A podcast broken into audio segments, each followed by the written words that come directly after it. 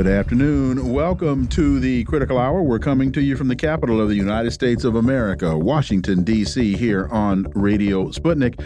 I'm your host, political scientist, author, and nationally syndicated columnist, Dr. Wilmer Leon. I'm joined here by my co host, political analyst, Garland Nixon. Thank you, Wilmer. For the next two hours, we will explore and analyze the salient news stories that are impacting the global village in which we live.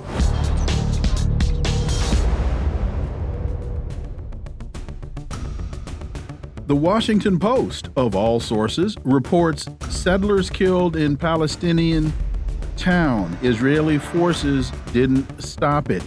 A review of the deadliest uh, settler attack in the West Bank since the war began shows how increasingly violent tactics have gone unpunished. For insight into this, let's turn to our first guest. He's a professor of English literature and Orientalism at the University of Tehran, Dr. Syed Mohammed Marandi. Dr. Marandi, welcome. Thank you for having me. So, the threats were sent via Facebook on October 9 to residents of Qusra, a Palestinian community in the Israeli occupied West Bank. Quote, to all the rats in the sewers of Qusra village, we are waiting for you and we will have no mercy. The day of revenge is coming.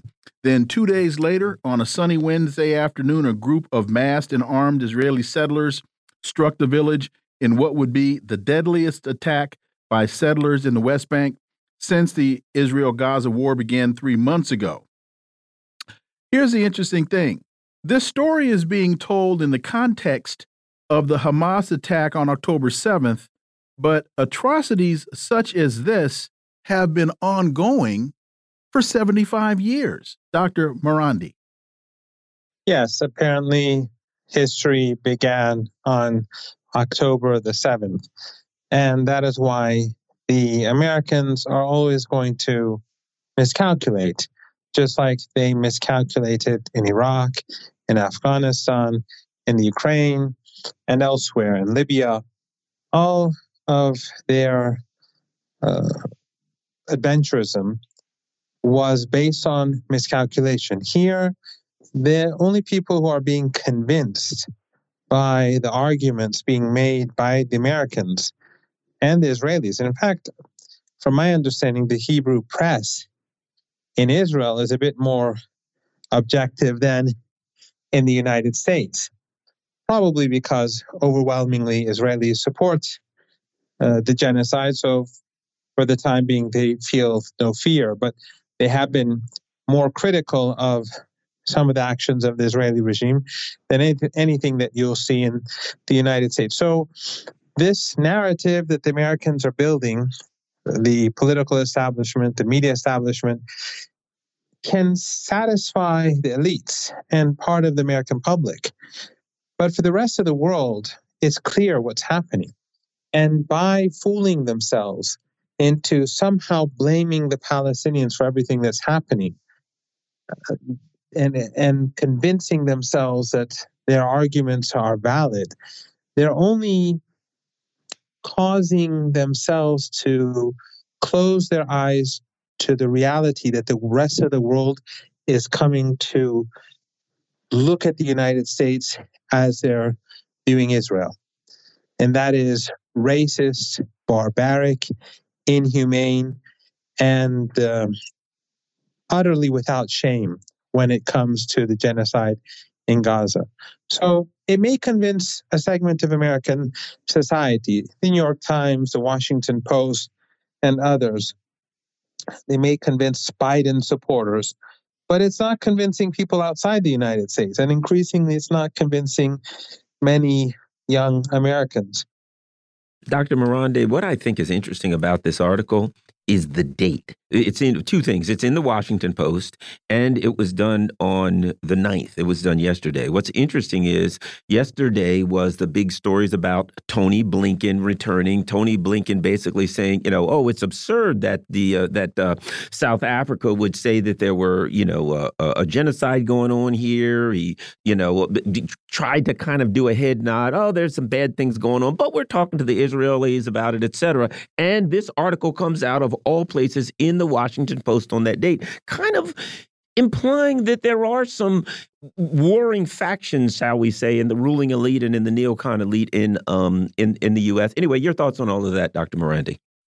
I I understand that position, and I I you know we saw it earlier with when a CNN reporter went into Gaza, and there were different instances where there were uh, in criticisms of the Israeli regime, but at the same time, we see Kirby coming out and saying the U.S. doesn't want a ceasefire, doesn't support a ceasefire, literally 24 hours ago.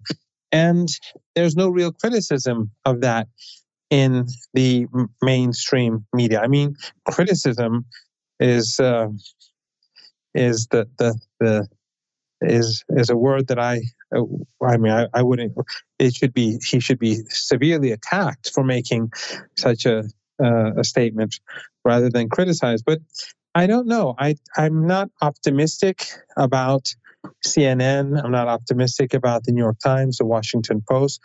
Just a few days ago, we saw the uh, propaganda um, article on mass rapes in uh, in uh, near Gaza by by the alleged mass rapes by Hamas and Max Blumenthal in the Gray Zone. They debunked, debunked uh, uh, the claims made in the New York Times, and now apparently there's going to be a hit piece in the Washington Post against Max Blumenthal and the Gray Zone for debunking what's being what's the New York Times put out. So I I agree with what you say, but I don't think it's enough to bring about any real change at the moment. I think that the only way to push the political elite uh, towards a more sane approach is for the public to remain engaged. I think many are counting on uh, activists getting exhausted. It's been three months, but I think people have to just remain active. I'm, I there's not much I can do here where I am in Iran because you know, all I have is a Twitter account, so I just keep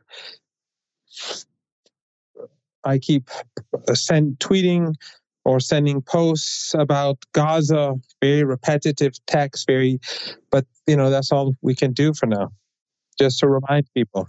There was a piece in uh, in the New Arab. U.S. Secretary of State Blinken meets Palestinian Authority President Mahmoud Abbas in Ramallah, while protesters are outside the the the, the building.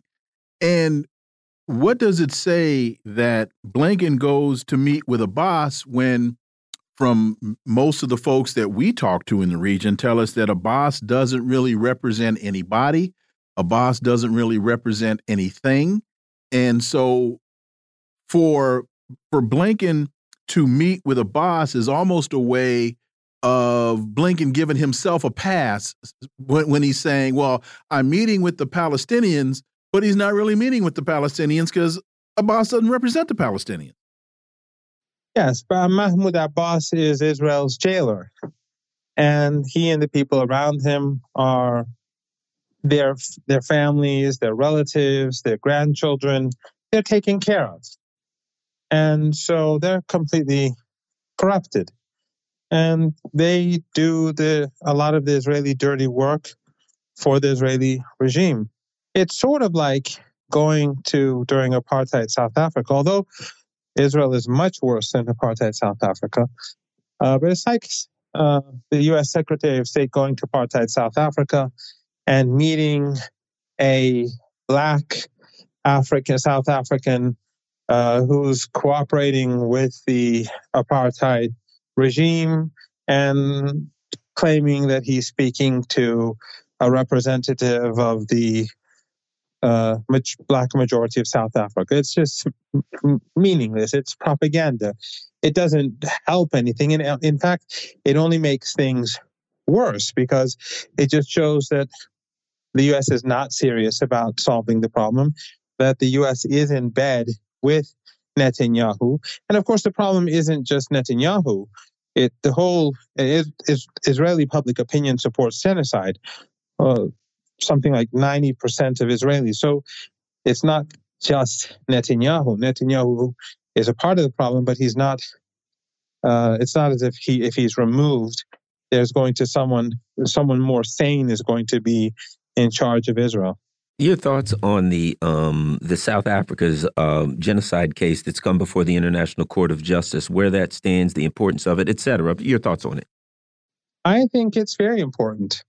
Uh, I I'm I'm quite sure that uh, nothing will happen. It's not as if uh, the Israeli regime is going to be sanctioned. The Americans and the Europeans will protect the regime, but South Africa has the fact that it is doing this, it carries a certain amount of weight because South Africa is uh, a country that has gone through apartheid. And um, I've only been to South Africa once, but it's very impressive the amount of um, uh, uh, how politically aware so many people in South Africa are. Uh, I would say more than other places that I've that I visited. Uh, so, um, well, mo- most places. I can't say every place, but it, I, be, I was very impressed.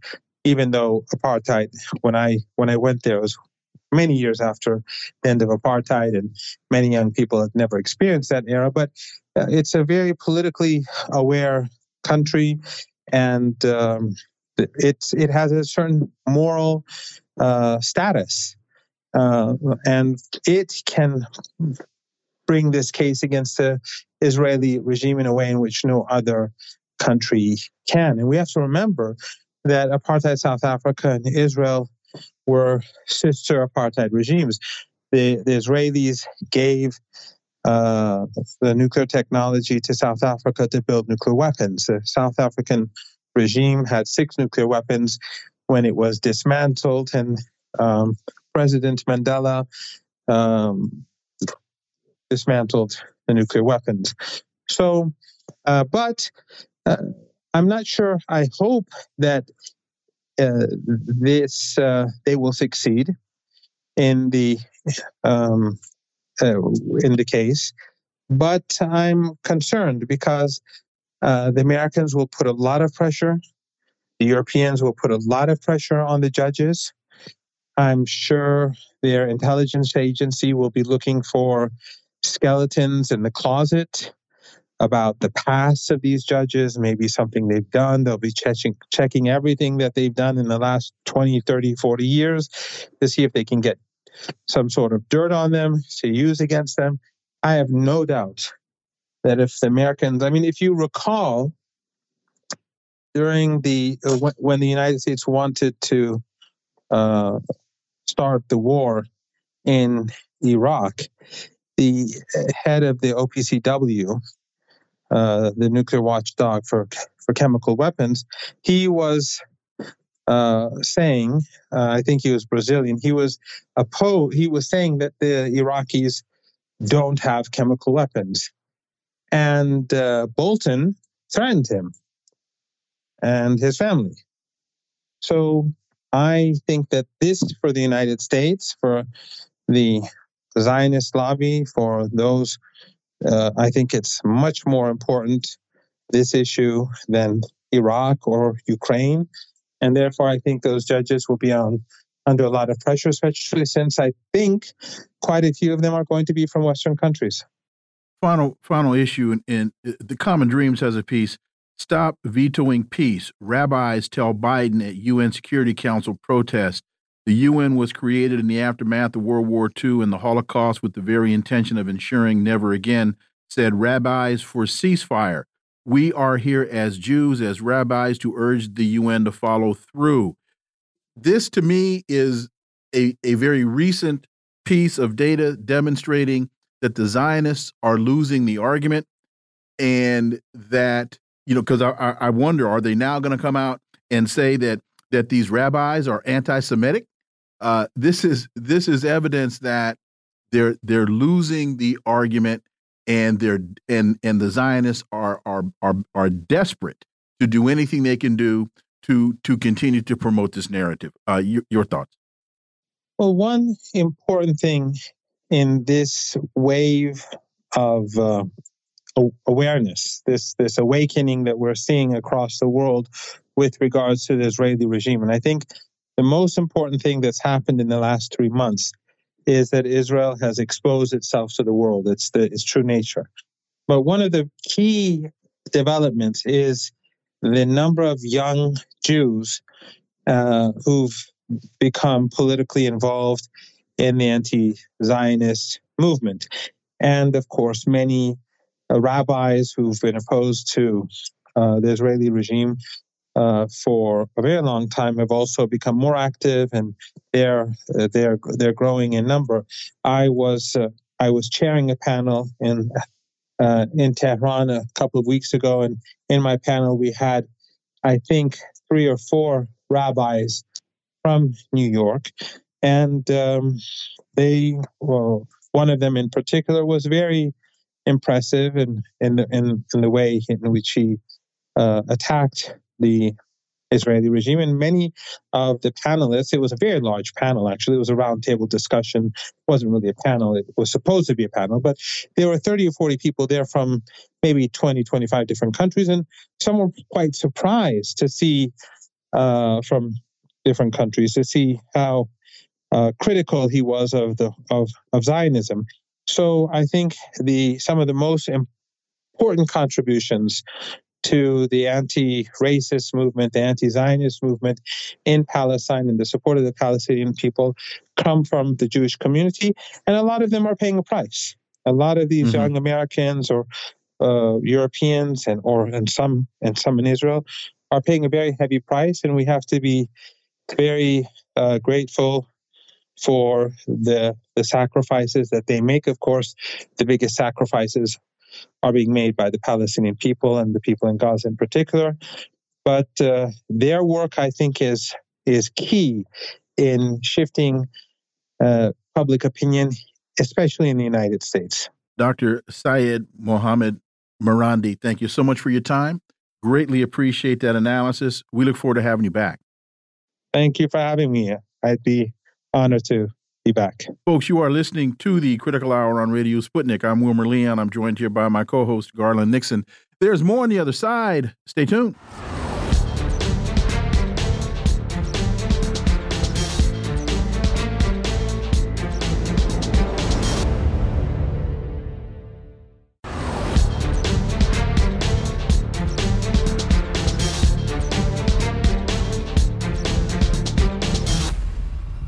We are back, and you're listening to the Critical Hour on Radio Sputnik. I'm Wilmer Leon, joined here by my co host, Garland Nixon. Thank you, Wilmer. Sputnik International reports Lavrov knew contents of secret, quote unquote, Ukraine meeting weeks before Bloomberg reported it. Bloomberg reported yesterday on a secret meeting, so called, held in mid December between officials from Ukraine, the G7, and a small group of non Western countries to try to ram through Terms for peace talks with Moscow. Russia was not invited to the meeting, but ended up being informed about it anyway. What is the significance of this? For insight, let's turn to our next guest. He's a Moscow based international relations and security analyst, Mark Sleboda. As always, Mark, welcome back. Dr. Leon Garland, thanks for having me. It's always an honor and a pleasure to be on the critical hour. So, a quote Considering our good relations with global South countries, I can say that another meeting like this took place 10 days ago. The G7 plus the leading developing nations, not all countries from the world majority attended, some turned down their invitations. The meeting took place in complete secrecy. Nothing was reported about it. There were no leaks, Lavrov, end quote, Lavrov said. Then he continued, but you know about it. I'm sorry. Then a, a reporter says, but you know about it. And he says, yes, we do. Our close allies and associates who attended that meeting did not promise to keep an issue that concerns Russia secret from us. And Mark, speak to this.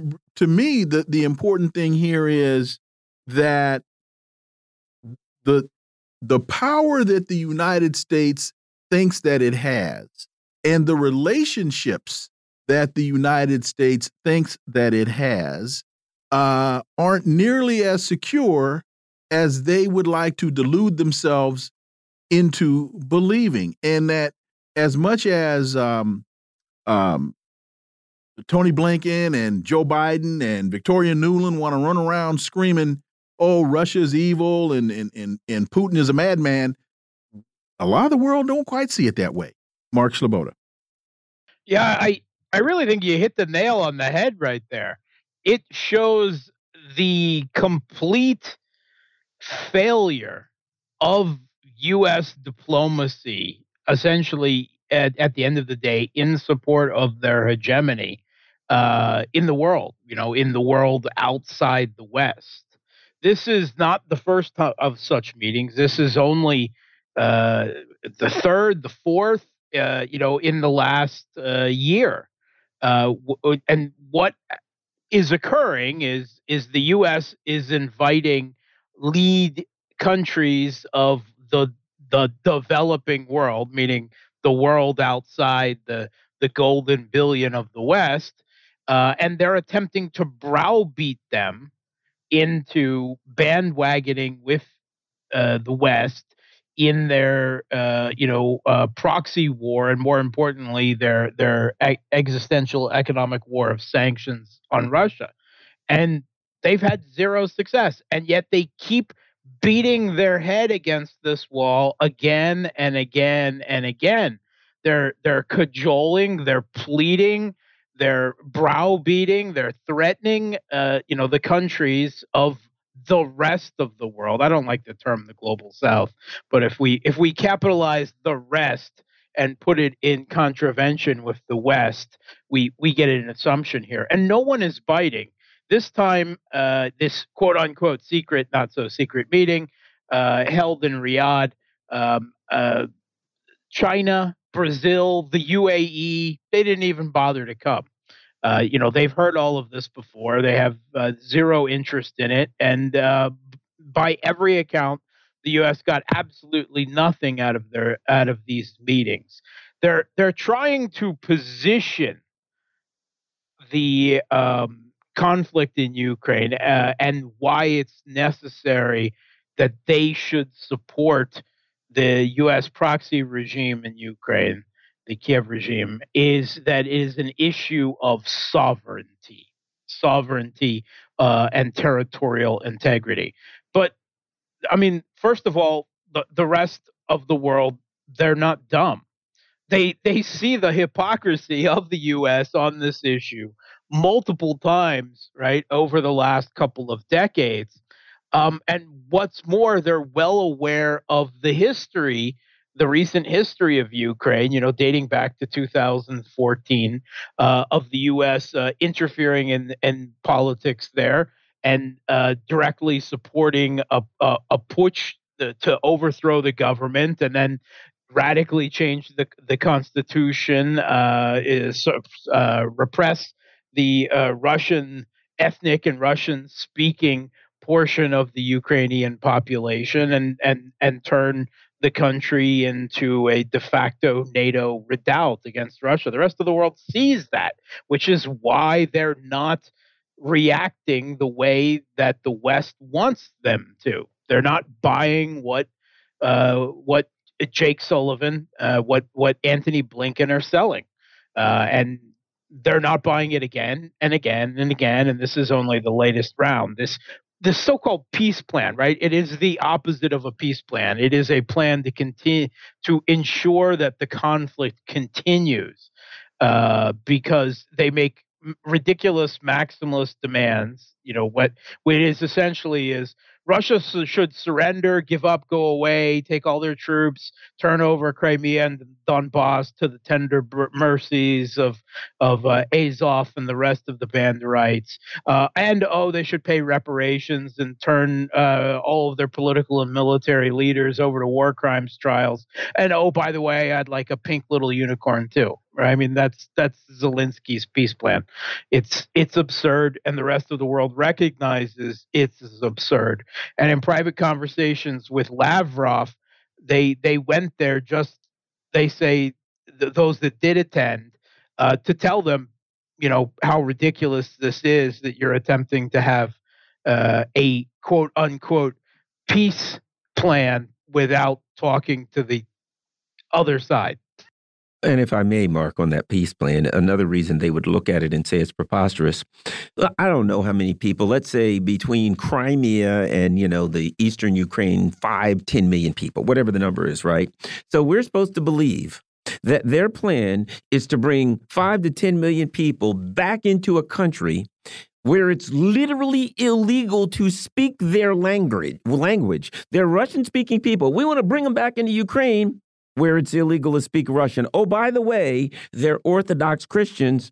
It's illegal for them to worship as they choose their religion of them and their forefathers. So you can't speak your language. You can't, uh, uh, uh, uh, uh you know, perform any of your religion. And oh, by the way, we were told it's a democracy, right? Which means they're going to bring 10 million new voters in they're going to have an election and they're going to immediately vote in pro-Russian people. It is it's absurd on its face to think that even they want this um, their their so-called peace plan to go through.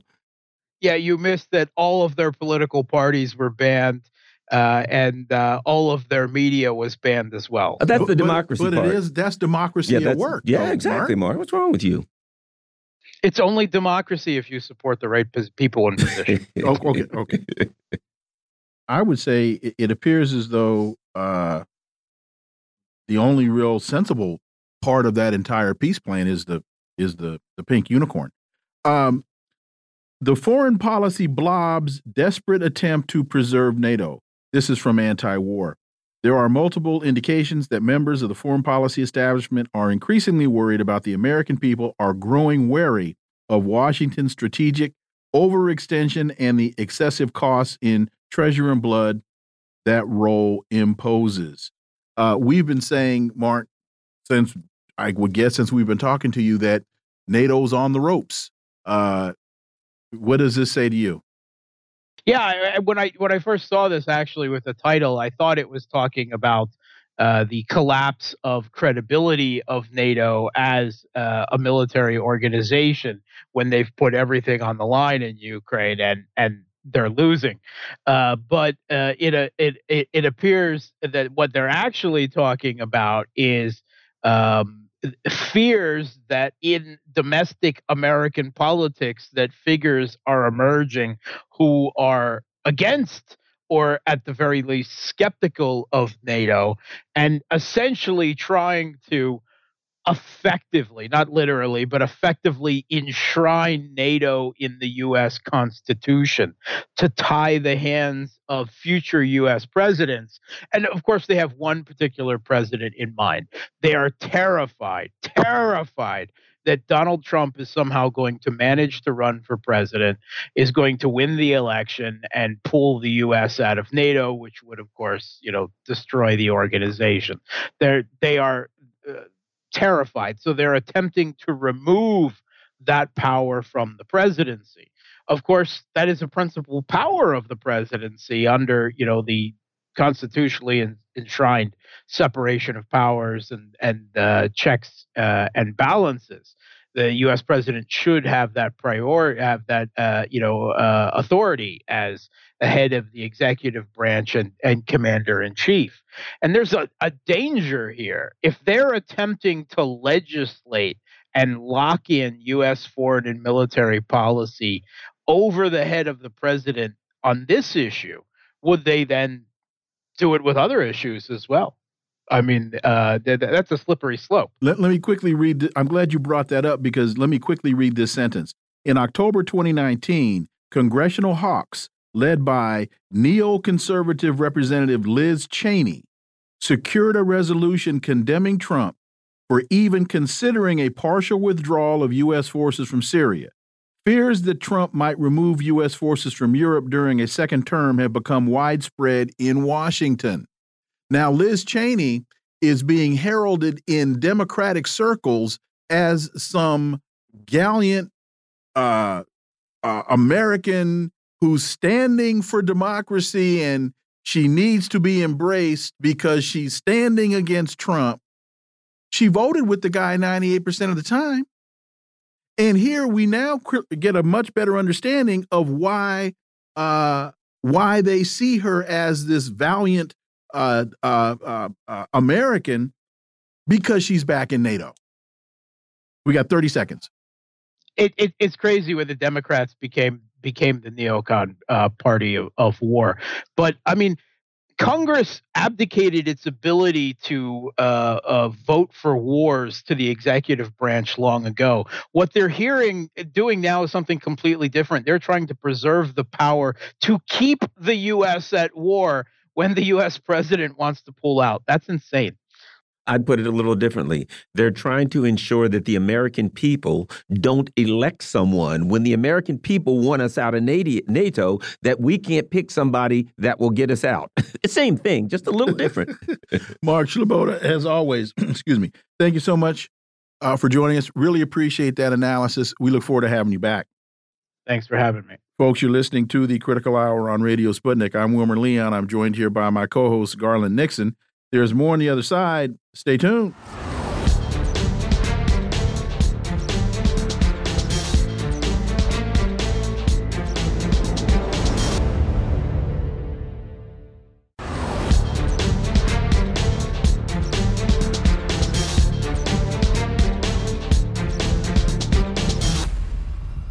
We are back, and you're listening to the Critical Hour on Radio Sputnik.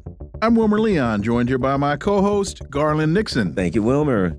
Naked Capitalism reports Germany's Christian Modus has no end in sight. The Association for the German Language chose the term Christian Modus as the word of the year in 2023.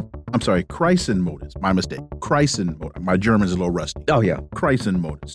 Uh, I'm not sure they've ever awarded a back to back winner, but Kreisen Modus or Crisis Mode looks to have a chance to repeat in 2024.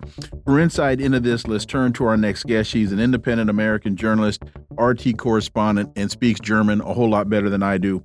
Rachel Blevins. As always, Rachel, welcome back. Thank you for having me. And I have bad news. My German's even worse than yours, so I'm going with your pronunciation on that one. Okay, well, thank you very much.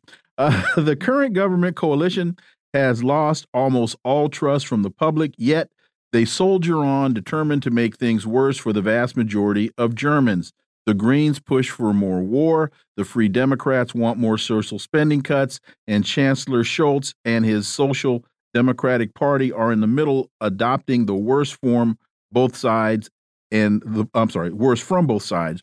I even had trouble with the English. And uh, leading Germany to ruin.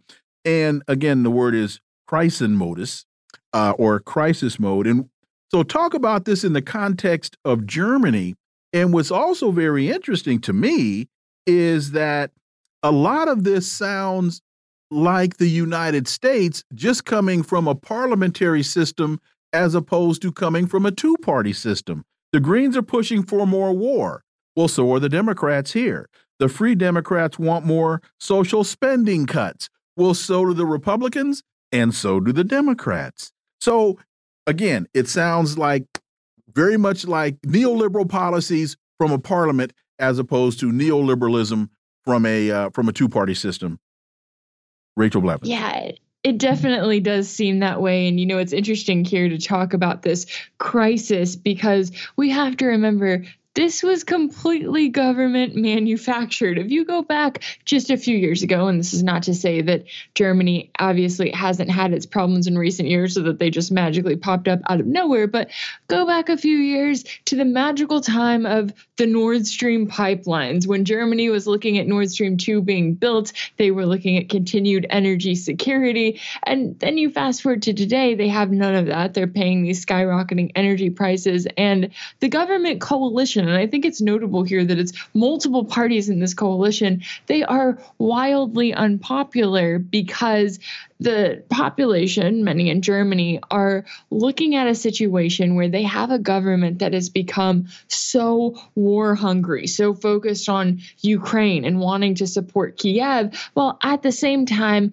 pushing for all of these, as they say, climate friendly policies that are just costing the taxpayers more and more money. And so they're not seeing this as, oh, hey, I'm going to fix the climate on my end by just paying more in taxes. They're seeing this as the government is taking more and more money from me, and I'm not seeing anything being fixed on my end. And you're seeing that kind of culminate, especially this week, as you have nationwide protest in Germany that was started by German farmers taking to the streets, blocking off roadways with their tractors. And they specifically took to the streets because the German government was looking at their budget and they said, oh, hey, we've got a hole in funding. So instead of maybe saying, okay, we're going to back off on some, I don't know, some foreign funding for a country like Ukraine, they come in and they say, oh, hey, what we're going to do is we're going to take away the subsidies that we allow farmers to use on the diesel that they use for agriculture, which, you know, creates the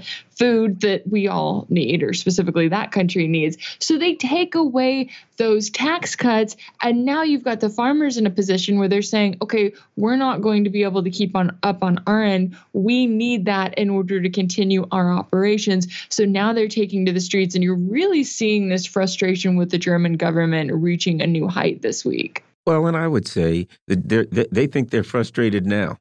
Wait till they figure out that the German government is doesn't even work for them and doesn't care what they say anyway. I mean, let's face it, it's such a setup right now. If Olaf Scholz leaves, then Pistorius or Habeck or Baerbock or one of these other people come in. So even if they win, they lose because they are an occupied land and they have no sovereignty. That There's no way to fix that except to get sovereignty. And apparently they haven't figured that out. Your thoughts? Yeah, and it, it reminds me again of that uh, comparison to the United States, right? Because we look at Joe Biden and we say, oh, he's bad. And then you go, okay, well, who's next in line? Oh, Kamala Harris. Oh, she's not great either. And it just continues in that way of whoever we have now, they're bad, but everyone else in line is also bad. And I, I think that especially for the German citizens, where they have been the ones who have been told, oh, you just need to, you know, pay a little bit more when it comes to your energy prices, give a little bit more here and that you're harming Putin. That's what you're doing. That's why you're, you know, uh, obeying these energy curfews or taking cold showers or that sort of thing. When you're given messaging like that for so long, and then you look at the international news, which I hope that they do, and they realize, wait a second, Putin and Russia are doing just fine, yet I'm the one here paying this price for what? What is this really doing? How am I making a difference? Well, I'm not really. And we were, you know, pushed into all of this, oh, by the United States, the same United States that has seen to it that there is no more Nord Stream, just as Joe Biden threatened a couple years ago. And so when you have that place where you have German citizens in a situation where they have so clearly been lied to, where they have seen so much propaganda, that can go on for so long. But now we're finally getting to the point where they're going, wait a second, this situation is not good. And this entire government coalition is not good and needs to go as a result. I want to reiterate you, you mentioned Nord Stream, and it's it's one thing if there had been an earthquake in the Baltic Sea, and because of the earthquake, the, the the, pipeline burst, and you know due to natural natural causes. But the United States made the conscious decision to engage in a uh, act of war against Germany to blow up the pipeline, so that the United States could sell. You ask, uh, paying the price for what? For more expensive liquefied natural gas from Texas Thank you, Ted Cruz. So they they look at they the Germans look at that and say, why? And then they talk about the Free Democrats want more social spending cuts. A lot of people in this country don't realize the standard of living that Germans had prior to all of this a thriving industrial base, very strong unions. They had great retirement. They had great unemployment. They had great vacation. They had great health care. They had a lot of the stuff that went away in this country in the 60s. And now a lot of that is gone by the wayside. With all of that being said, one of the things I find very interesting is their politics seems to be moving further to the right, not further to the left. Rachel. Yeah, and I think that that is a notable thing too. And maybe it just comes from when you feel like you don't have your own country, right? Because I know that, you know, immigration has been another big deal here. They feel like their government has just opened up the borders and allowed all of these people in. And so when you feel like you don't have a sovereignty, then that can push you more to the right, push you more to sort of a nationalistic view of saying, hey, we need to make sure that our country is secure and all of these things. And then our country is focusing on Germany because as all of this is happening, you have, you know, the German farmer strikes, you have others on the railroad who are joining in. What is Chancellor Olaf Scholz doing? Oh, he's complaining to the EU that other member states aren't doing enough for Ukraine. So he's making it very clear where his focus is, that it's not at home, that it's not on saying, oh, hey, uh, my constituents really aren't happy with me right now. Why don't I address this? Why don't I,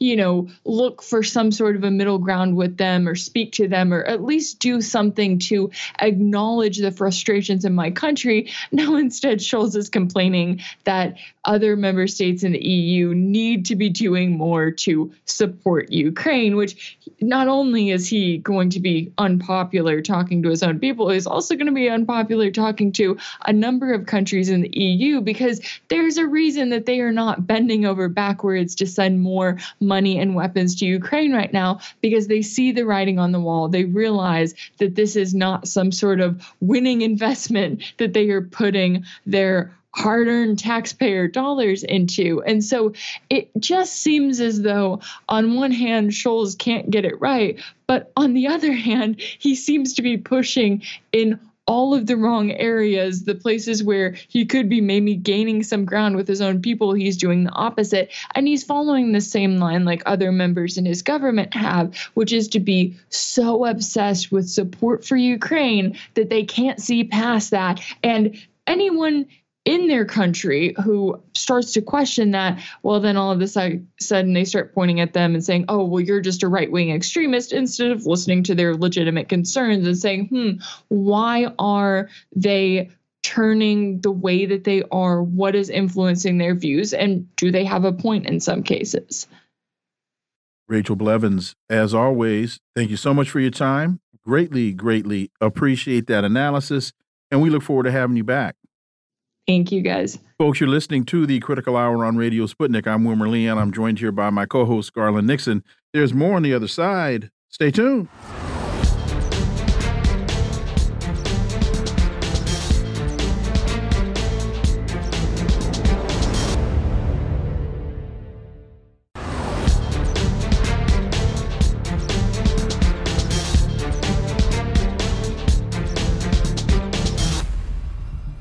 We are back, and you're listening to the Critical Hour on Radio Sputnik. I'm Wilmer Leon, joined here by my co host, Garland Nixon. Thank you, Wilmer. RT reports why the U.S. can't find enough troops to feed its imperial ambitions. The American military is facing a drop in recruitment and risks getting spread too thin in its drive to dominate the globe.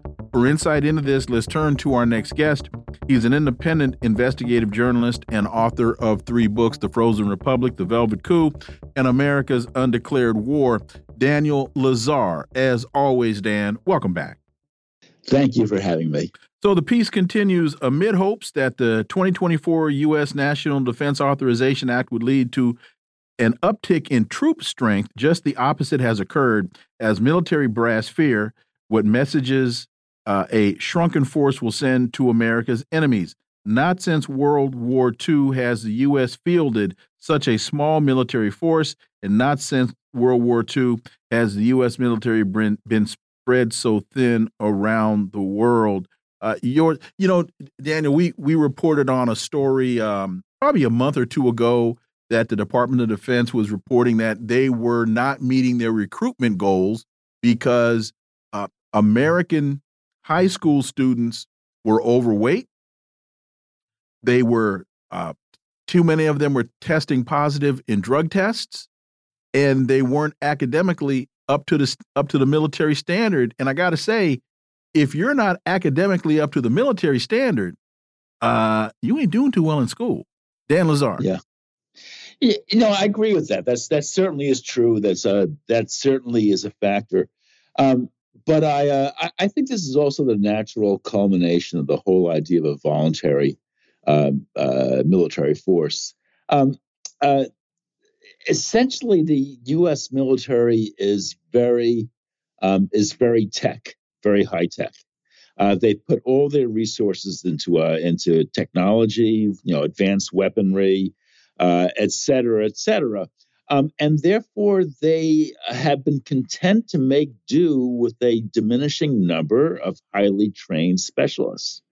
Um, so, uh, so it, it, it, seems to work, uh, and and under certain circumstances, you know, where there are sort of short, sharp, sharp conflicts where all this advanced weaponry can easily overwhelm a a less developed, less advanced uh, enemy.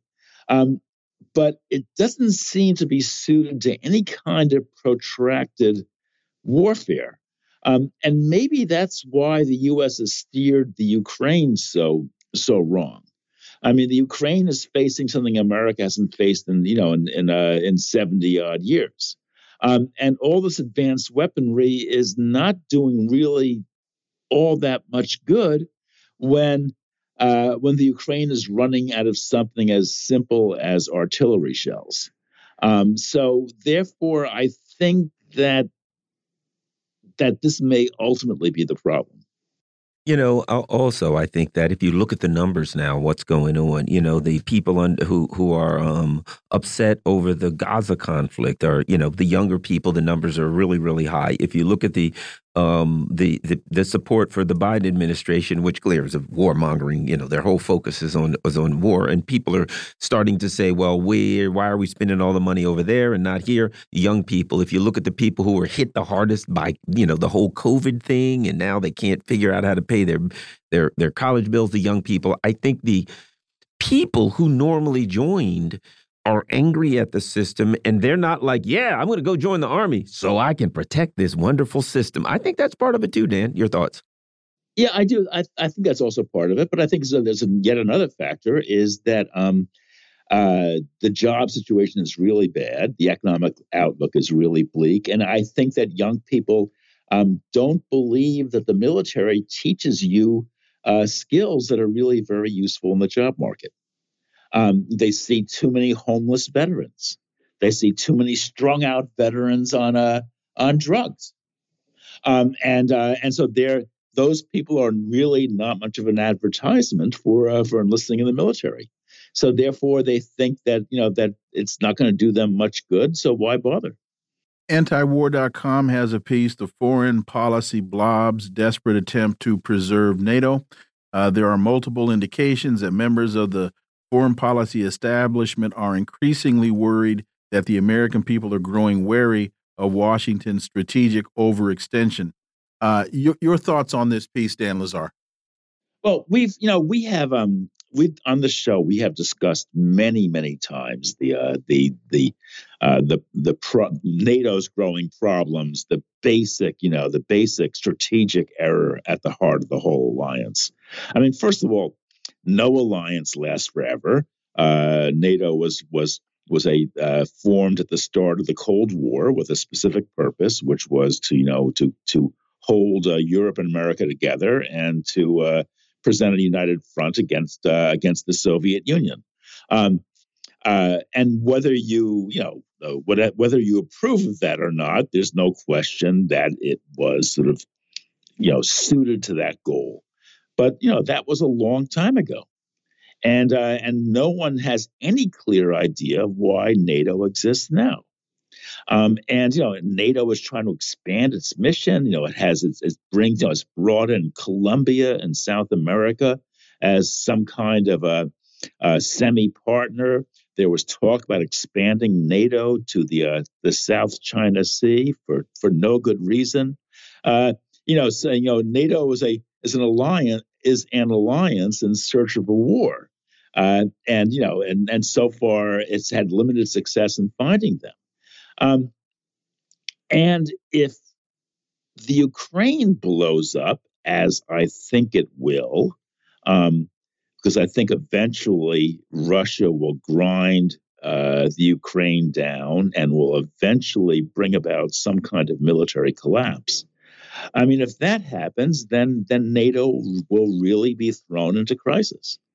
I mean, not only did it prevent a a defeat in uh, in the Ukraine, it will have actually contributed to it, and now it'll have a a a really dreadful situation right on its doorstep at a time when America is get is overextended and getting weary of all these alliances. So things are really breaking down, and I don't see any way, any easy way out for the uh, for the Atlantic Alliance. You know, Dan, um, uh, and we've discussed this before, and, and I tend to think that when the books are written about the demise of NATO, the first chapter is going to have to be the, the the attack on Nord Stream because when you look backward on that and you're going to say, well, wait a minute, for all that they argued, ultimately NATO used an exercise in which they were uh, uh, pretending to be defending themselves from a Russian attack. They used that to hide behind, literally, to attack the economic engine of Germany. Germany, you've seen this. The people are in the streets. The farmers are in the streets. Germany is, is in economic and political collapse. And when that falls, you know, a lot of bad things are going to happen. But what are your thoughts on the connection? Well, well, wait a minute. Let me just quickly let me just quickly add that yeah, because it was implicit in Garland's statement. But let's be very clear: that was an act of war against a NATO member. So Article Five of the NATO Charter means the other NATO countries are supposed to come to eh, come to the defense of Germany against the United States, including the United States. So they'll the have United to attack States themselves. Is supposed to is supposed to turn on itself. Dan, no, you're absolutely correct. No, this is this is very very important. I mean, I mean, it's and Nord. It's been a year and a half since Nord Stream. Uh, and um, and and so far, everyone's pretending that there's you know that the that there's no elephant in the sitting room but it, it did exist. It's clear the U.S. did it. Everybody knows it. Knows they did it. Um, and uh, but everyone is refusing to to say a word. But it's bubbling up in the electorate. I mean, the uh, the alternative for Deutschland, the uh, the far right wing nationalist alliance, is is playing the Nord Stream card really, really heavily, and it's working. I mean, uh, uh, Germany's in recession. They have a major economic uh, industrial crisis. They've been cut off from uh, their long term natural gas supplies, and everyone now knows why. It was the U.S. It was Joe Biden, um, and and that is that is winning votes for the AFD. Uh, and and and no matter how much Olaf Scholz, the head of the, uh, the the chancellor, tries to change the subject, it doesn't work. In fact, it makes it worse because it makes him look like he's evasive. So, uh, so it's uh, it's it's a bombshell right in the heart of NATO, and it is starting to go off. There's a, a, sentence here in this piece I'd like to get your take on. In October 2019, congressional hawks led by neocon uh, Liz Cheney secured a resolution condemning Trump for even considering a partial withdrawal of U.S. forces from Syria. Uh, fears that Trump might remove U.S. forces from Europe during a second term have become widespread in Washington. I think those two sentences might go past a lot of folks, but that's one of the reasons I believe that's a clear indication of a a big part of the split within the uh, American intelligence and defense uh, apparatchiks uh, and why Liz Cheney has become so heralded by the Democrats as being this great American. And by the way, she voted with Trump like 98% of the time, but she turned on him, and now all of a sudden she's supposed to be this wonderful American. But it really had less to do with her being a wonderful American and more about NATO. Uh, we got about one minute, Dan Lazare. Yeah, no, yeah. I mean, this is uh, this is really important. First of all, it's like Liz Cheney is going out of her way to make Donald Trump look good.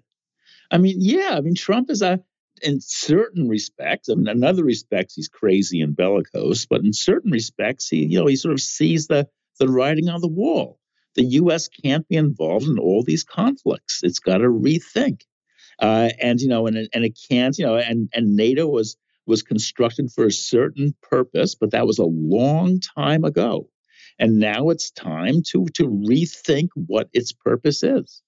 Uh, and um, uh, and you know, and doesn't matter how much you know uh, uh, Liz Cheney huffs and puffs, you know, and threatens to, bo- to to blow Trump's house down. It's not going to work because Americans, the American electorate, senses that there is something to what he is saying. So, you know, alliances don't last forever. Organizations don't last forever. They have a certain natural lifespan, and NATO is nearing the end of it. Daniel Lazare, as always, thank you so much for your time. Greatly, greatly appreciate that analysis, and we look forward to having you back. Thank you.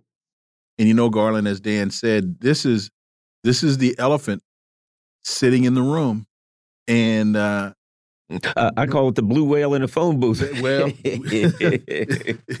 there you go. Hey, folks, you're listening to the uh, Critical Hour here on Radio Sputnik. I'm Wilmer Leon. I'm joined here by my co host, Garland Nixon. There's another hour on the other side. Stay tuned.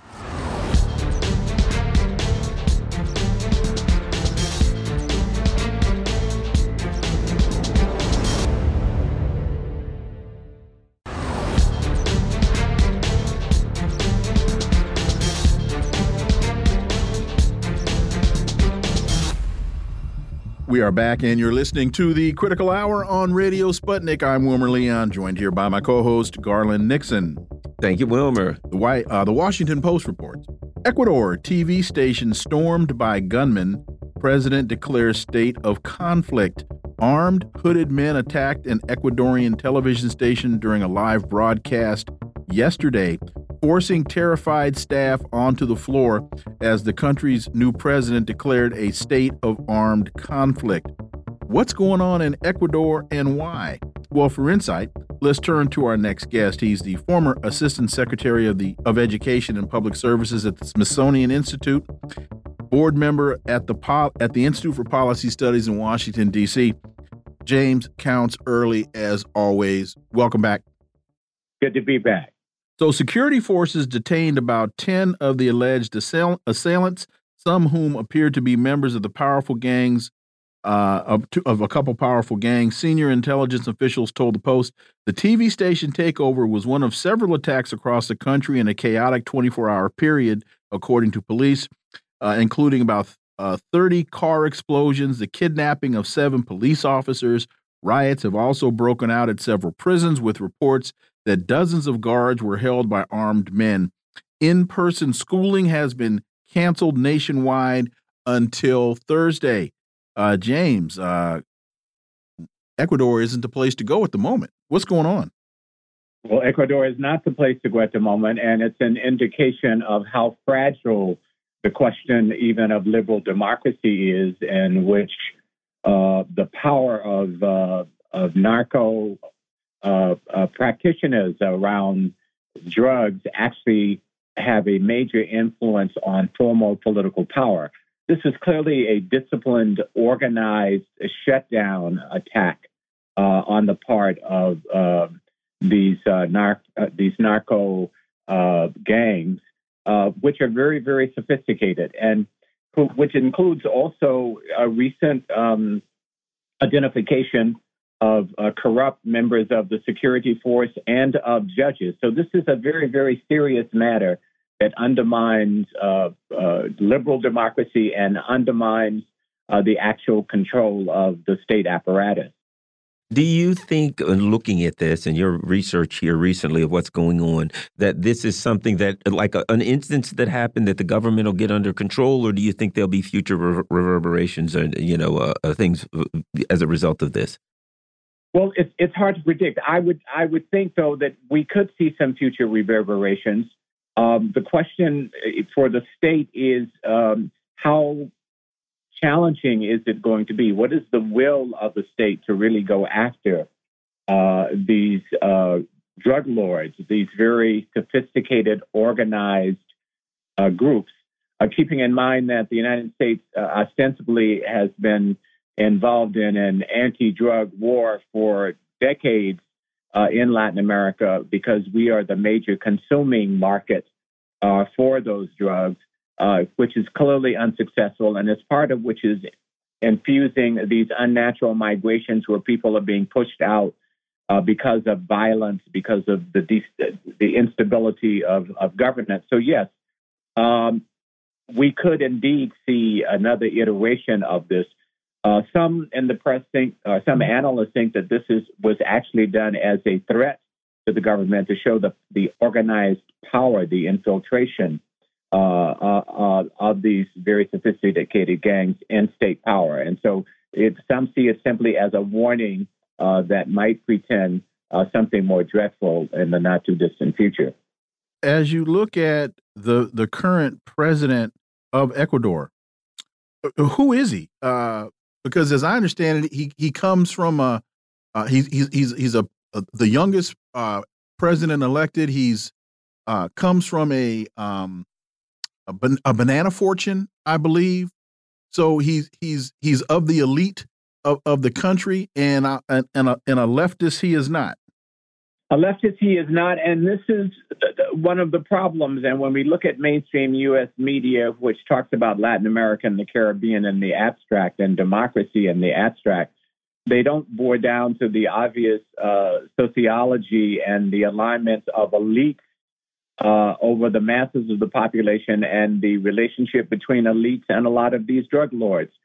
So while Noboa has not been implicated, Daniel Noboa has not been implicated in terms of being affiliated with these drug lords. He is clearly uh, in their sights, and it it it shows that uh, elite uh, elements of government representation uh, really are not the indication of democracy. It's the organized initiatives of progressive working and oppressed sectors, particularly in this case of the indigenous sector of, of Ecuador, which is a significant part of the population, uh, as well as the uh, over a million or so uh, Afro Ecuadorians, who are the ones who will suffer uh, the brunt of all of these shutdowns and the economic uh, uh, in, instability and, and the political violence.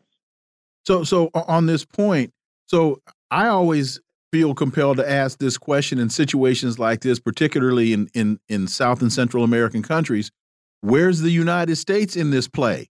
Because if I look at if I look at him and what he stands for, and we start talking about narco trafficking, uh, that makes me think of people uh, like uh, Oliver North and and and that ilk uh, who use those narco traffickers to benefit uh, the the nefarious uh, actions of of United States imperialism. So is, is the hand of the United is the invisible hand or not so invisible hand of the United States involved in this?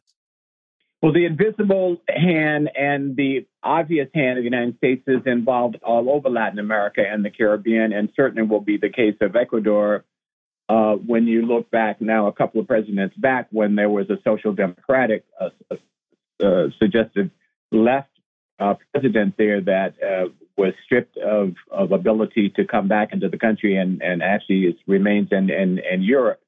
Uh, we'll have to see what the U.S. State Department says on the one hand and what it does on, on, on the other hand. I suspect because this is an overt uh, move on the power of drug lords, uh, that there will be strong rhetoric coming from the United States. It's not very clear. Orinoco Tribune disqualified far right politicians are still disqualified from running in presidential elections. And if you look at it, here's the reality these were people that worked with the U.S., an outside entity. They worked with Juan Guaido. They worked with the U.S. to steal Citgo, the Venezuelan, uh, you know, most powerful and, and, and uh, a corporation that brought money in. There is no country in the world, most countries would execute or jail these people. The idea that they should be able to run in the elections to me seems preposterous. But in anyway, your thoughts? Well, and they worked with the United States to steal Venezuelan gold that was being held in uh, British British banks. Your thoughts? Is a direct U.S. Uh, intervention, and the U.S. for the moment has been brought really to a stalemate with stalemate with the Maduro government. But Maria Corina uh, Machado are part of the right wing opposition who ran the sort of uh, false campaign um, several months ago uh, to be the candidate of the opposition. Uh, has been uh, uh, legally expelled from being able to run by the Electoral Commission, which is an independent body. Now, the United States State Department and Blinken and Blinken and the other liars uh, in Congress and the U.S. State Department and and both Democrat and Republican uh, congressional people in South Florida uh, will say that uh, she is the legitimate opposition. But she is not the legitimate opposition. The Electoral Council makes those decisions, not Maduro making those decisions.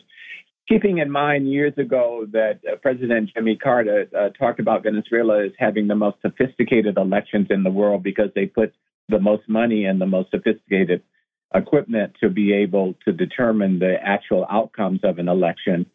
And so that this is just another attempt on the part of uh, the U.S. State Department uh, to try to push its line. But it has had to make compromises on the case of oil.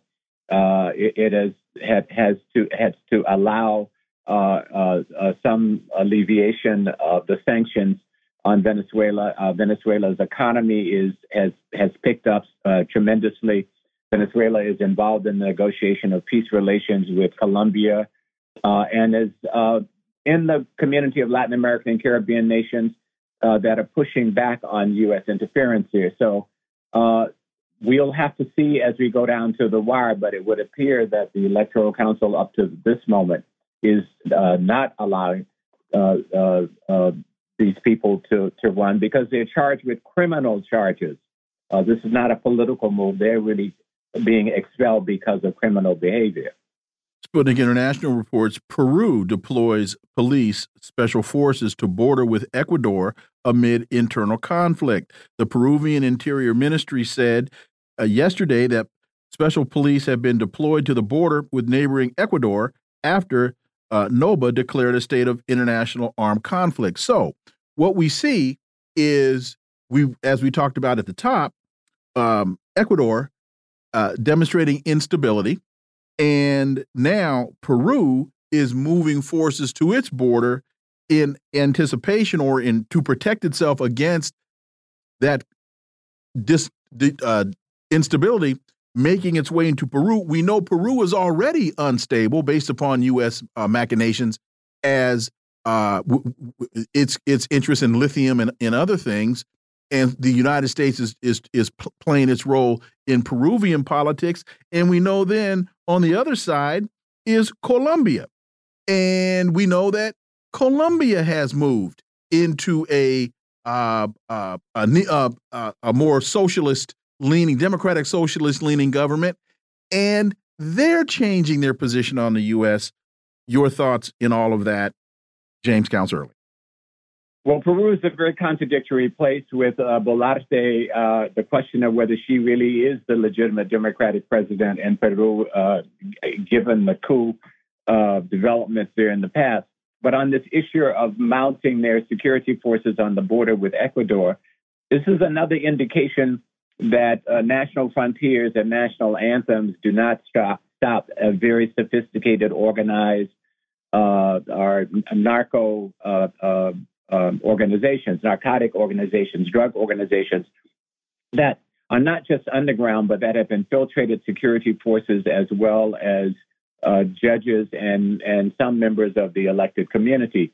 And so that uh, this could easily spill over, these organized gangs could easily take refuge, if not already extant, uh, in both Peru, uh, probably in Colombia as well.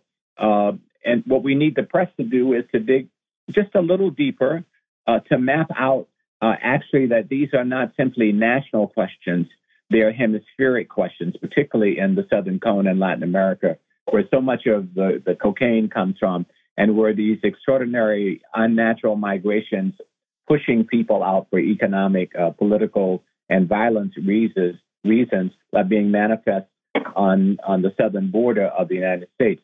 Uh, so, yes, there is a concern that these organized uh, uh, bands uh, are also organized inside of Peru, and that is why we're seeing them mount their security forces. And I'll say this: you you just made a very important point. You know, recently, a few months back, we, we reported that Donald Trump said, you know, well, if I was in pres president, then Venezuela would have fallen, and we wouldn't have to pay for that oil. And then, and now, and and, and of course, he wants to say we've got to do something about the immigration. And there's the point: the immigration is as a result of destabilizing the region. And so, when the right wing in America says we want to do something about immigration, but they still want to destabilize the region, your thoughts? Uh, we only got about a minute, minute and a half.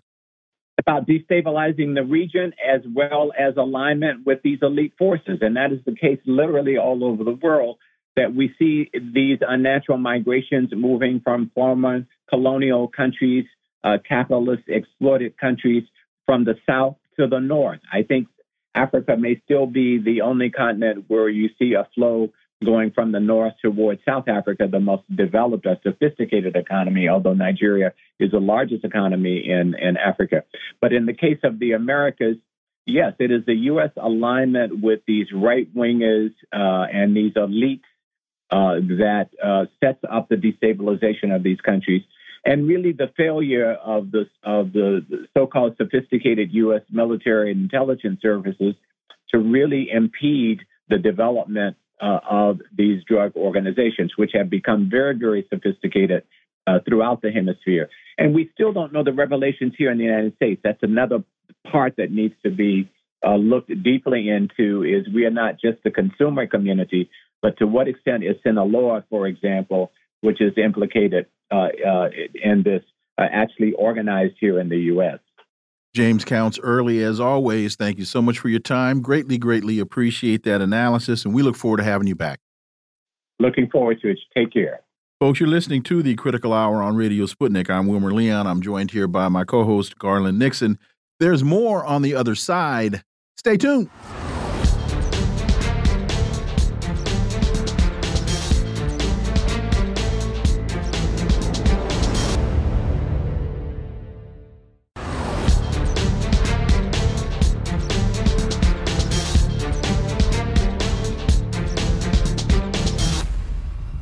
We are back, and you're listening to the Critical Hour on Radio Sputnik. I'm Wilmer Leon, joined here by my co host, Garland Nixon. Thank you, Wilmer. Sputnik International reports U.S. meddles in Taiwan vote as youth rethinks allegiance to anti China party. Taiwan's residents will go to the polls for general elections on Saturday as Tsai Ing wen of the ruling U.S. backed Democratic Progressive Party prepares to step down. What are we to make of all of this? Well, for insight, we turn to our next guest. He's a peace activist, writer, political analyst, and teacher, KJ Noh. As always, KJ, welcome back. Thank you. Pleasure to be with you. So, the story is, or the report is, the campaign is far from being peaceful amid loud claims of interference from abroad. Chinese media are slamming Washington for its quiet attempts to interfere in Taiwan's upcoming elections after the passage of a U.S. defense bill ramping up arms sales and troop training assistance to the China claimed island. Uh, KJ, your thoughts? We're getting closer and closer to Saturday, and um, are are these stories reflecting an ongoing shift in the sentiment on the island? And you said uh, last time we had you on that you expected this election to be close. So, are these stories a surprise to you, or are these reflections of what you were anticipating to happen all along? Um, it's they're pretty much what I anticipate. You know, the election is close, but I'd be very, very surprised if the U.S. Uh, vetted and selected candidate William Lai does not win. You know, anytime an election is close, uh, the U.S. candidate wins.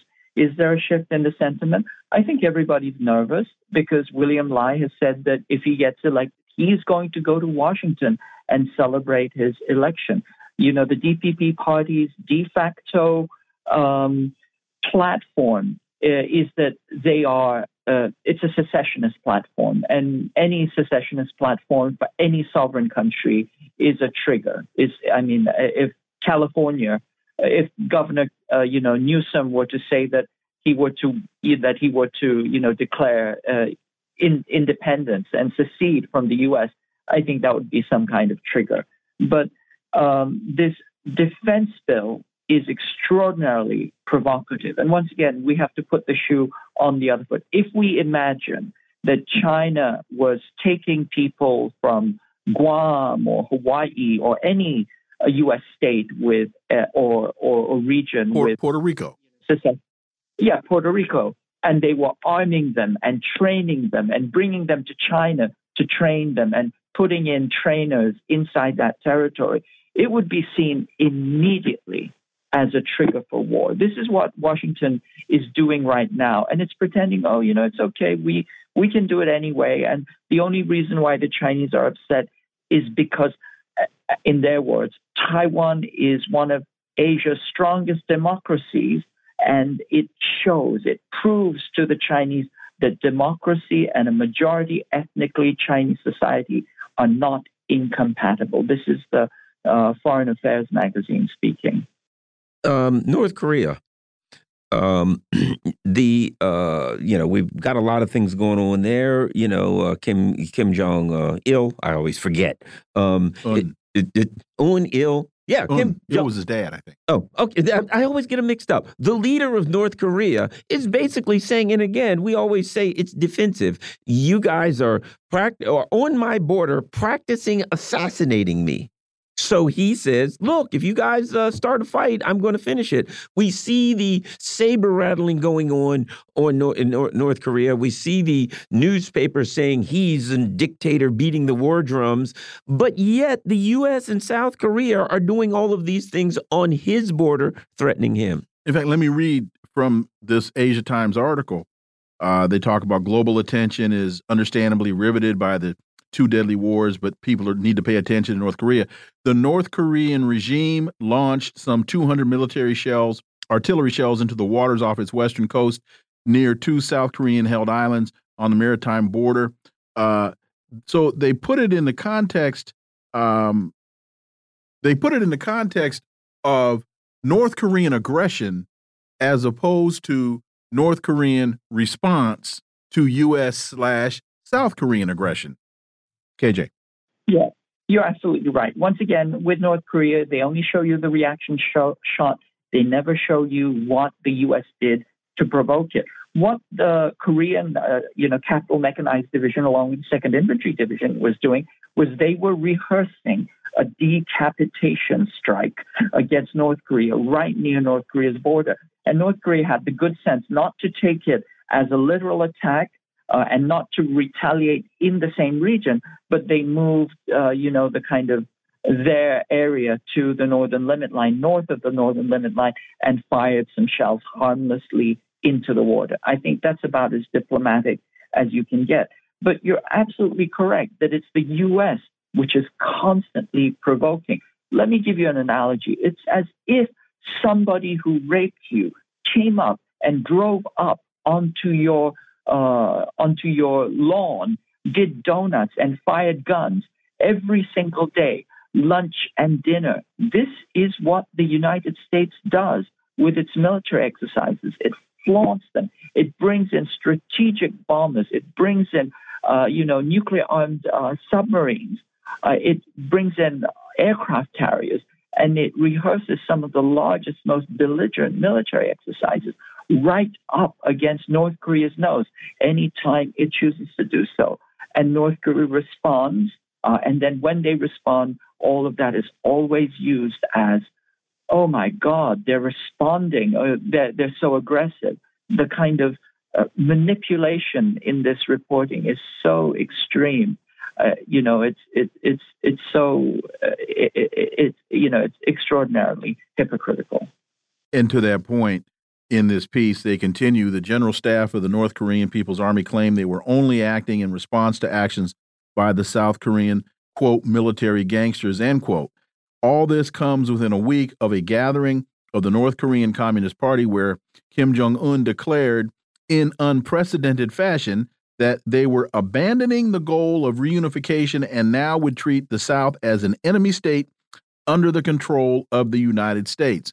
So, eh, eh, again, framing this as though all of the all of the the the jingoistic language by Kim Jong Un is unprovoked, and that he's he's the aggressor here, and woe is South Korea, and woe is the United States. Yes, uh, I mean uh, it's you know extraordinarily one-sided and always designed to send a single message that North Korea is irrational and that it is aggressive. Remember, South Korea has this plan, Op Plan 5015, which is a decapitation plan that, re- that it rehearses all the time against North Korea. North Korea has no way of knowing if this is a real attack or if it's just a rehearsal. But either way, both of them would be, you know, it, North Korea cannot not uh, retaliate or uh, respond. And South Korea has this plan, they call it, you know, massive retaliation and punishment. I mean, it's the kind of language that South Korea uses is extraordinary against uh, North Korea, but you never hear that language put out into uh, the media. It's always, you know, how, you know, rhetorically bombastic uh, North Korea's and not South Korea's bombastic language. Let, let me just go on and connect a, a couple dots because we were just talking about the U.S. elite and their concern about Donald Trump as he was talking about breaking up NATO, removing the United States from NATO.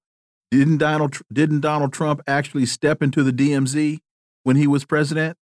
And not only that, the, Jeffrey Sachs tells a story of Donald Trump going there, and they said, "Watch what we do," and they flew a nuclear-capable plane right up to the 38th par parallel, and at the last uh, uh, minute, it turned off, and they said, "Look what we can do." And according to Jeffrey Sachs, Donald Trump said, "That's crazy. Stop that." Which is, of course, why Trump had to go. Uh, so, so KJ, I just brought that up to to show that this is not a you know, we're, we're not advocating anybody vote for anybody. All we're doing is trying to connect a few dots here and show why, uh, in some circles, there is such opposition to Donald Trump. Yes, absolutely. They're afraid that Donald Trump will not play the his role as the guardian of the U.S. empire. And the best example of that is that he actually de-escalated with North Korea, stepped across the DMZ at Panmunjom, shook hands uh, with Kim Jong Un, and you know they had for a while, you know, a, a relationship. But you know, North Korea is critical for U.S. empire because the U.S. uses hostility with North Korea as a stalking horse to escalate against China. North Korea is simply a pretext. North Korea is not a threat to South Korea or to the United States. As I said before, it has the budget. The North Korean military budget is less than the budget of the NYPD.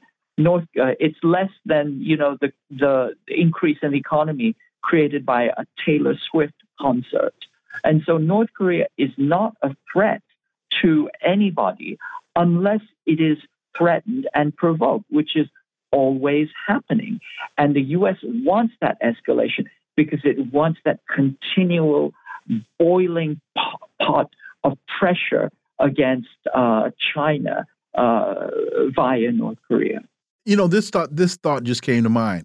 Economically, what would it mean in the region if the tensions between North Korea and South Korea and North Korea and Japan were to if if if South Korea and Japan were not acting as the proxy of the United States against North Korea, and if North Korea were allowed to develop at a, an economy at its own rate, at its own pace, with its own resources, what would that mean for the region? Does that is that a sensible question to ask?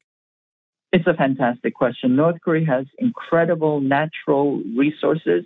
It's also a fairly quite well industrialized. South Korea has always been the breadbasket. The two would be very, very complementary economies as they were before they were divided by the United States. And if North and South were to connect, then what they would do is they would build out two railway lines, kind of like a double spine, if you will, going all the way into China. And then it would be essentially the northeastern terminus of the Belt and Road, which would create incredible wealth and prosperity to the region. Uh, and of course, the U.S. cannot let that happen because then that would be the end of its uh, foothold uh, or toehold uh, in in in the Pacific uh, north northeast part of Asia. KJ Noh, as always, thank you so much for your time. Greatly, greatly appreciate that analysis. We look for. And folks, that's why you listen to this program because you get to hear brilliant analysis by people like KJ Noh and our next guest who's coming up. Thank you, KJ. Really appreciate it. Thank you. Always a pleasure. Folks, you're listening to the Critical Hour on Radio Sputnik. I'm Wilmer Leon. I'm joined here by my co host, Garland Nixon. There's more on the other side. Stay tuned.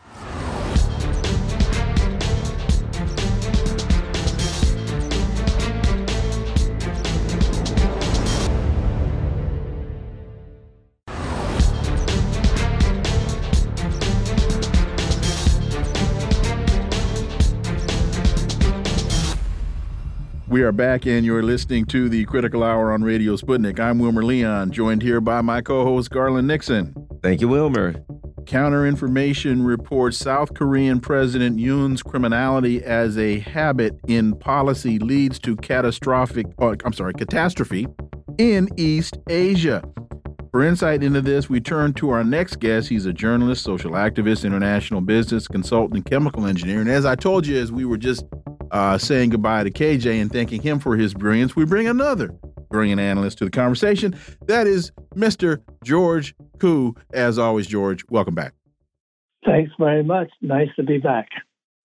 So the piece uh, continues whereas previous presidents of the left and right understood it would be fatal to alienate China and Russia, promote war with North Korea, or blindly follow all orders from an increasingly chaotic Washington, President Yoon Suk Yeol is unlike any president in post war Korea, and perhaps like any politician uh, in Korean history.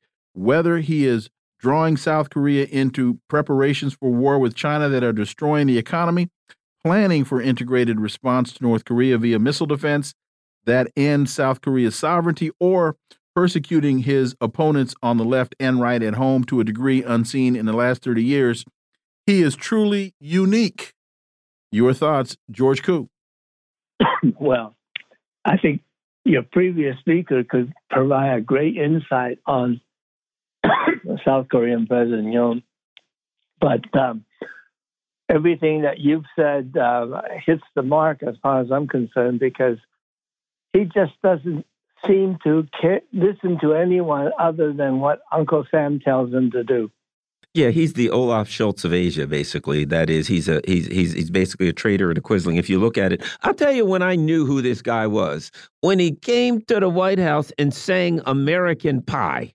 You know, I mean, at that point, I'm thinking, put taps dance shoes on and do a minstrel show. At that point, if you're going to entertain these people as they sit around clapping and say, "That's a good boy," it was embarrassed. I'm not Korean. If I was Korean, I would have been humiliated to see my so-called leader tap dancing before the people of the empire. You know, it's funny you you say minstrel because when as you were laying that out, I said to myself, I said, this is nothing but a stereotype and a very it would be a very it would be a a scene in a very very bad World War II movie.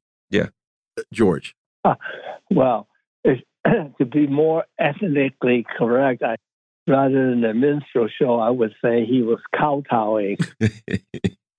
you know, I, I don't know if you heard the question that we asked KJ about what would it mean in the region if North Korea, if the if the uh, if the tensions between North Korea and South Korea were to be resolved, and the tensions between North Korea and Japan were to be resolved, if they were no longer acting as the emissary uh, or the pawn for the United States, what would North Korea's ability to to develop economically mean for that region? Well, you know, I I, I did hear that part of the KJ's remarks, and I, I he really uh, explained it extremely well because you've got the natural resources of Korea that has is still in the ground, not developed, and you've had the um, industrialization of the South that could complement North extremely well. It's it's a plus plus win win situation that uh, they're not permitted to uh, even contemplate, um, even though some of the previous South Korean presidents made moves in that direction. And as far as North hostility with Japan, um, that to me is a is a lesser factor because Japan, at this point, certainly you know since World War II, doesn't quite have the kind of influence that they would have in terms of how to interfere with the Koreans. It's really the the uh, the United States that's in the on back of all this, pulling all the strings. But Japan, as UX, as Japan as an American proxy, would would would be a thorn in the side of of that whole of of that development. That that that was really why I threw Japan in there. Yeah. Well, yeah, and and you'll be right. Um, but um, Japan is, shall we say, a little more astute than uh, President Yoon. Okay. And if it comes to a point where it becomes a liability for Japan, and and um, it's then a their tendency to to avoid certain risks would you know would make them stand back and hold back a little. And right now, Kishida, the prime minister, is not exactly very has a very strong standing in Japan, and um, so he has to balance whether to risk it to risk his neck on behalf of the Uncle Sam or uh, try to stand back a little. And you know, I see a, a, common thread here with the U.S. empire. You know, it's let's get Koreans to kill uh, Koreans. And there was a term prior to the U.S. going into Vietnam: U.S. money um, Vietnamese blood when they were getting the South Koreans to fight the North Koreans. Now we have the Slavic people in Ukraine. Well, let's let the Slavic people fight the other Slavic people and kill them. And in Korea, so that is the the uh, modus operandi of the U.S. empire to go to a region of the world where the people in that region have something in common, and then finance one group of the people to kill the other group that basically are their brethren in Africa. In, in Rwanda, it was the the, Tutsis and the, Hut, and the Houthis. Uh, Hutus. Yes. Um, George. or, or for that matter, the Semitic people, namely the Arabs and the Israelis. The Taiwanese, Chinese people in Taiwan, the Thai, uh, the Chinese people in, in China. It's always the same game. There you go. Yep. It, that's the way Washington likes to play it now. They've learned their lesson. They got their hands burned in Afghanistan. Of course, they were even burned even worse in Vietnam and Iraq, and wherever they sent their troops, they they they paid the price, and now they're trying not to do that. RT reports South Korea to resume war games halted under 2018 deal. The decision comes after the North fired uh, uh, artillery volleys near the border between the two countries. And, and again, the bottom line is the South, South Korea constantly uh, and the U.S. they pay they they bring in um, uh, uh, nuclear submarines. They threaten uh, uh, uh, North Korea.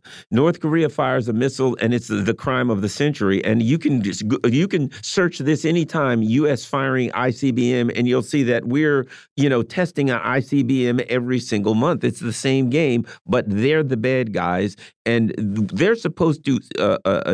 Uh, North Korea is supposed to adhere to all of these um, uh, agreements, and the U.S. empire doesn't adhere to any of them.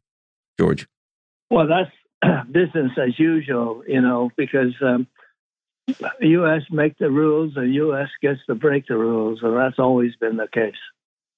And there's uh, another uh, an another story.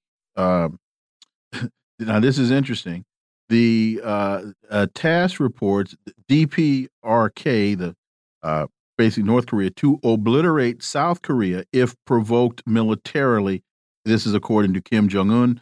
The North Korean leader noted that Pyongyang does not intend to unilaterally provoke major events with its suppressing force on the peninsula, but it's not going to avoid a war either.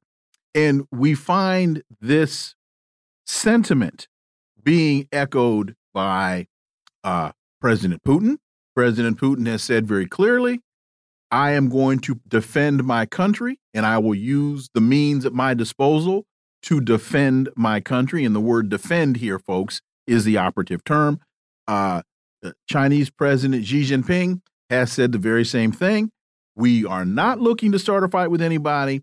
But if you come and knock on my door, uh, and you and you're not bringing flowers, I got something for you. Uh, your thoughts, George Koo? Yeah, I think the message, including North Korea and Kim Jong Un and Putin and, Xi Jinping, they all basically saying we're for peace, we're not for war, but we're not going to lie down if you decide that you, you know conflict is in your interest, and um, and we will try to do our very best to pay back in kind, if not to make sure that it doesn't happen, it doesn't pay off for you. And that certainly is the message that Kim Jong Un is trying to convey. And every time he com- he conveys that, Washington says, "See, he's being aggressive again, and he's being behaving like an axis of evil." Blah blah blah, and um, all the provocations, and, uh, and, and certainly Taiwan too, is trying to get some prov- provoke enough of the other side, meaning China, Russia, North Korea, to take to make the, to take the first shot, so that we then say we're justified in reacting and doing because they're the ones that fired the first shot. So it's a it's a game of chicken, and it's all continually pushing the pushing the red line until some something bad happens. So to your point about provocation, and Yeah. the United States is trying to get China to take the first shot. They're trying to get North Korea to take the first shot. We keep reading reports that the Department of Defense says all of the um, um, virtual war games that they play out through their systems tell them they lose 25 times out of 25 times if they fight China. They lose if they fight Russia. Eh, I, I haven't I haven't read any reports about North Korea, but I can only assume that the that the outcome would be the same. So why are they continuing to try to provoke the fight when all of their systems tell them if you do this you lose? Well, unfortunately, you're offering a rational uh, analysis and explanation. Oh, I'm sorry. Maybe I should have had some drinks before I did the show today. We, yeah, we just don't. We're not overrun with rational people that are not foaming at the mouth. They're called neoconservatives. They still feel that their their hour has come to rule, to become the number one power and rule over the world. And that certainly was a doctrine started for which way back um, during the Clinton administration. It didn't hold much water for many years, I think, until George W. became president. And now it seems to be the the doctrine on how to dominate the world, even if it means cost of cities and millions of lives, and perhaps a worldwide uh, Holocaust, nuclear Holocaust. Um, so what? They get to they get to social. I guess they get to cheer in their beer because they finally got their objective. I think here too, and I think Kim Jong uh, Un really understands what's going on, and I think what he's saying to South Korea is, look, you got America behind you, you got this big power, we probably can't take them. However, if you let them drag you into a war with us, you're going to die. So, you know what I mean? It's like you can look at America behind you all you want to, but I guarantee you, whether we win, lose, or whatever, if you let America drag you into a war, we're going to turn you into a pile of dust. So don't even think about it. You will become Ukraine. Right. It's a reminder to them. Don't do it. Don't let those fools run you into this because you ain't going to survive it. George, we only got a minute or so. Your thoughts? Okay. Well, I think most South Koreans understand and can see the reality.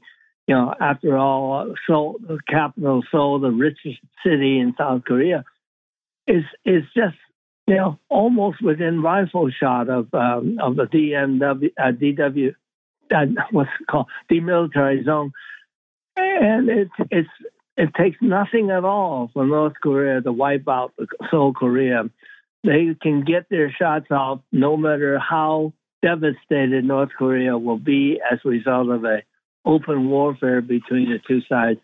It's a lose-lose proposition, and I think most North South Koreans understand the outcome and the implications. As we get out, hence uh, your your discussion about starting this war, Sun Tzu says an evil enemy will burn his own nation to the ground to rule over the ashes. And that seems to be what the policy so called elite in this country are more than willing to do. George Koo, as always, thank you so much for your time. Greatly, greatly appreciate that analysis, and we look forward to having you back. It's a pleasure, gentlemen. Thank you. Folks, you're listening to the Critical Hour on Radio Sputnik. I'm Wilmer Leon. I'm joined here by my co host, Garland Nixon.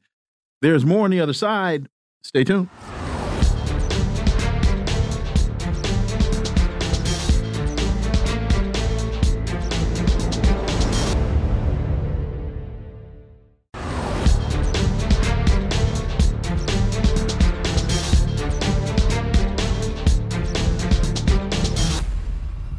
We are back, and you're listening to the Critical Hour on Radio Sputnik. I'm Wilmer Leon, and Garland Nixon will join me momentarily. The Greanville Post reports huge march on Washington against the Israel U.S. genocide of Gazans planned for this Saturday, January 13th. For insight, and starting at 1 p.m. For insight, let's turn to our next guest. She's the co editor of Popular Resistance, Dr. Margaret Flowers. As always, Margaret, welcome back. Thank you. It's always great to be with you. So, uh, this piece in the Greanville Post, they write the American people donate in our taxes annually to Israel's government $3.3 billion for, you, for Israel to buy U.S. made weapons and ammunition, and an additional half a billion dollars, and that's with a B, folks, for U.S. military intelligence assistance and other maintenance of Israel's government, and so have been supplying to Israel virtually all of the planes and missiles and bombs and bullets and ongoing intelligence assistance that the government is now using in order to bomb and otherwise destroy the schools and hospitals and refugee camps and the residential neighborhoods of Gaza so as to exterminate the Gazan people. Folks, that's called genocide. Uh, Margaret Flowers, your thoughts on this upcoming march and is the message really a about genocide and American taxpayer dollars funding it, is that really getting to the American people? And do you, and we'll probably find out Saturday, is it resonating? Well, I hope so, because I mean, what we're watching happen before us, and we see it through pictures and videos, you know, on social media, is, you know, genocide, war crimes being committed against Palestinian people. And this is completely being done with the support of the United States. As you know, the, the Israel officials admit that they would not be able to do what they're doing without the economic, military, and political support of the United States. So um, I think with this genocide case being heard tomorrow in the International Court of Justice, uh, word has been getting out, and uh, you know, we, as you probably are aware, this international coalition to stop genocide in Palestine um, has taken off uh, in a huge way, and people have been really mobilizing uh, to get the message to you know leaders in the United States, but around the world. You know, countries are joining and supporting South Africa's charges of genocide against uh, Israel. So I think it's an important message. I hope that is something that's resonating with folks uh, because if we don't stop this genocide, then it just you know gives greater license to other countries to commit acts of genocide with impunity. You know, I think one of the important things that's been learned from this particular thing is that um, the U.S. Congress, you know, is fully owned by AIPAC, that Congress does not work for us, you know, that people are starting to figure out when 70 to 80% of the Democratic Party are in favor of a um, permanent ceasefire, which basically means they want to end this uh, attack. A permanent ceasefire means stop the attack on Gaza. And the Democratic Party, all throughout Congress, everywhere, nah, we're not listening to you. I think people are learning a very important lesson here. Your thoughts on that, Margaret? Yeah, no, I think they are, and I think what people also need to be aware of is that you know things are changing. The the power in the world is is shifting. The United States is no longer, you know, the dominant hegemon of the of the world. Sorry, that's redundant, but um, and there's going to be accountability. You know, South Africa initiated this case in the ICJ, but a number of countries have already uh, come out publicly in, in support of that. Uh, they're calling for actual provisions within the United Nations uh, to pay, make an injunction to stop Israel's attack on Palestine. And then uh, lawyers, there, you know, hundreds, if not thousands, of lawyers worldwide working together on this, who are saying that the next step, if the court finds uh, Israel, you know, uh, guilty of committing acts of genocide, the next step is going to be court cases holding those responsible accountable. And we have, you know, the, the U.S. government is certainly ranks up very high in that. Uh, because we could be stopping this genocide right now, but instead the Biden administration is asking for billions of dollars more to send more weapons to Israel. Uh, help me understand the, the, the rhetoric slash logic here, because President Biden tells us that we have to we have to stop the atrocities. Uh, we have to protect the sanctity of human life, the poor Palestinians.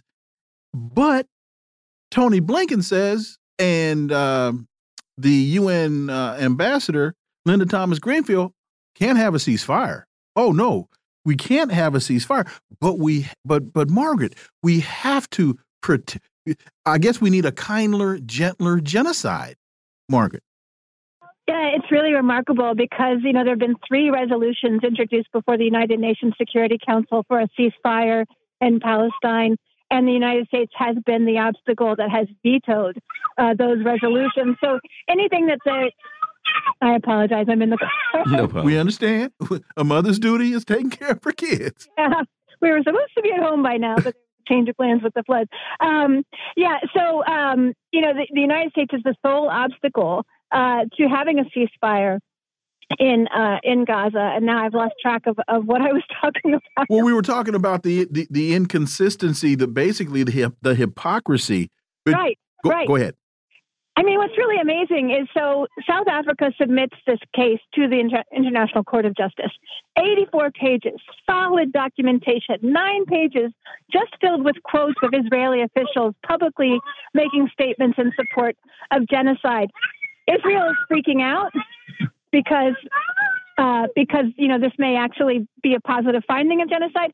The United States is the only country so far that has come out and said that these accusations are meritless that they're counterproductive, that they're false. The whole world is watching this happen, and the U.S. is continuing to pretend like it can actually say this isn't happening. And, and I think, as your last guest and you were talking about, you know, this is just uh, it's it's pretty ridiculous that they think they can get away with it.